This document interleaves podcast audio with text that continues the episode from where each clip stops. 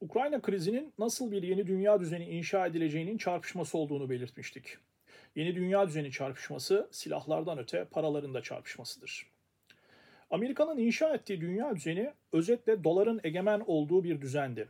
Amerikan hegemonyasının zayıflamasıyla birlikte yükselen güçler doların egemenliğine karşı kendi ulusal paralarıyla alışverişi gündeme almaya başladılar yavaş yavaş.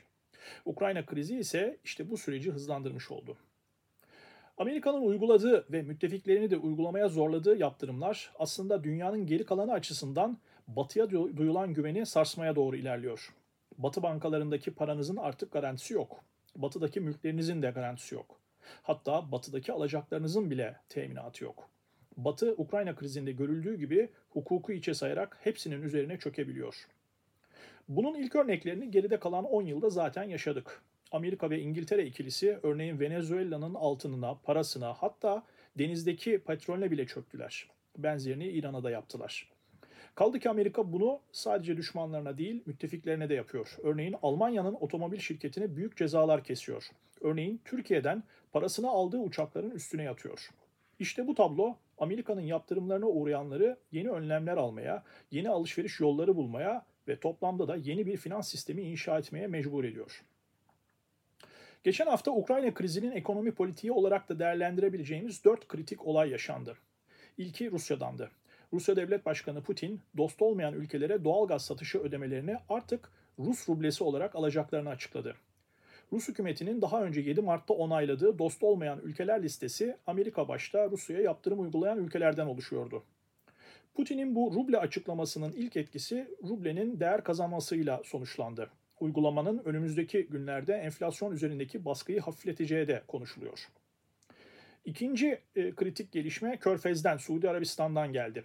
Amerika'nın ünlü finans gazetesi Wall Street Journal'ın 9 Mart tarihli haberine göre Beyaz Saray, Amerikan Başkanı Biden ile Suudi Arabistan Veliaht Prensi Muhammed Bin Selman ve Birleşik Arap Emirlikleri'nin Veliaht Prensi Muhammed Bin Zayed arasında üçlü bir görüşme yapmaya çalışmıştı. Biden iki prensten hem Ukrayna'ya destek isteyecekti hem de enerji piyasalarının kontrolü açısından harekete geçmelerini. Ancak iki prens bu görüşmeyi reddetti. Bitmedi. Wall Street Journal'ın 15 Mart tarihli haberi Amerika açısından aslında daha da can yakıcıydı. Buna göre Suudi Arabistan petrolü dolar yerine yuan üzerinden satmak için Çin yönetimiyle görüşüyordu. Üçüncü kritik gelişme Hindistan'dandı. Hindistan, Beyaz Saray'ın tarihin yanlış tarafında yer almayın uyarısına rağmen Rusya ile Haziran teslimatlı yeni bir petrol anlaşması imzaladı. Yeni alımların süreceği belirtiliyor. Diğer yandan kimi Hint şirketlerinin Rusya'dan ayrılan batılı ilaç ve diğer ürün üreticilerinin yerine geçmeye hazırlandığı konuşuluyor. Ve daha önemlisi Rusya ile Hindistan'ın ulusal para birimleriyle ödeme yapmayı sağlayan bir mekanizma e, üzerinde çalışmaya başladığı duyuruldu. E, dördüncü önemli gelişme Almanya'dan. Almanya'nın başını çektiği Avrupa ülkeleri Amerika'nın yoğun baskısına rağmen Rusya'dan enerji tedarikini kesmeyeceklerini belirtiyorlar. Amerika bu amaçla son olarak Avrupa Birliği ile LNG yani sıvılaştırılmış doğalgaz tedariki anlaşması yaptı.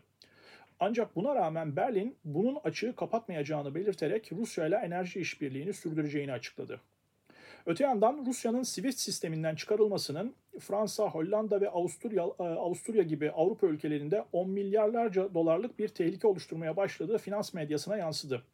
Fransız şirketlerinin Rusya pazarından çıkmayacağı da duyuruldu. Daha ilginci yine Wall Street Journal'ın haberine göre Rusya'da faaliyetlerini durdurma kararı alan Batı'nın zorlamasıyla pek çok şirket ama bunların bir kısmının buna rağmen e, gizli gizli Rusya'ya sevkiyatı sürdürdüğü iddia ediliyor. Bu konuda Wall Street Journal isim isim şirket e, haberleri yayınlandı ama takip edebildiğim kadarıyla bu şirketlerden bir yalanlama da gelmedi. Evet sonuç olarak Ukrayna kriziyle birlikte doların egemenliğinin zayıflayacağı, ulusal paraların ticarette artık önem kazanacağı ve alternatif finans sistemlerinin hayata geçeceği yeni bir döneme girmiş olduk. Özetle ve sonuç olarak Amerika ve Batı yaptırımının dönüp dolaşıp Amerika ve Batı'yı vuracağı bir süreç yaşıyoruz.